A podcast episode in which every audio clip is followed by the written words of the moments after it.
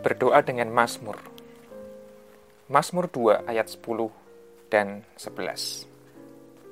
Oleh sebab itu, hai raja-raja, bertindaklah bijaksana. Terimalah pengajaran, hai para hakim dunia. Beribadahlah kepada Tuhan dengan takut dan ciumlah kakinya dengan gemetar. Saudara-saudara, Mazmur pasal yang kedua menyebut dua jabatan yang sangat istimewa pada zaman Israel, yaitu raja dan hakim. Tentu pada waktu itu, raja dan hakim adalah sosok yang amat sangat disegani. Merekalah sosok-sosok yang mengambil kebijakan yang penting dan yang kemudian menentukan kehidupan banyak orang. Sayangnya, Mazmur pasal yang kedua itu menggambarkan bahwa tidak semua raja dan tidak semua hakim bisa bersikap bijaksana. Ada banyak yang justru malah mereka-reka perkara yang jahat dan sia-sia. Untuk itulah, seruan Mazmur pasal yang kedua ini adalah sebuah panggilan kepada para raja, kepada para hakim, Jikalau kita renungkan seruan ini pada zaman ini, seruan Mazmur berarti seruan kepada para pemimpin. Bahkan kita semua sebagai umat Allah, siapa pun itu, bahwa bertindak bijaksana dan menerima pengajaran itu menjadi hal yang penting dan dikehendaki oleh Tuhan. Pertanyaannya adalah, apakah para raja dan para hakim masih perlu belajar?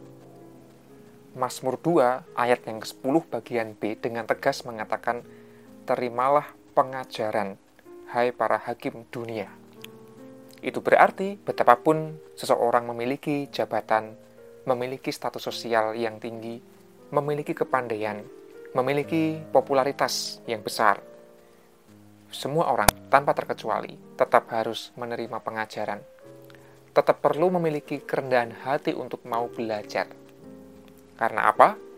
Karena jikalau kita punya status, kedudukan, kekuatan, dan itu tidak bisa disikapi dengan bijak, maka kekuasaan itu rawan disalahgunakan.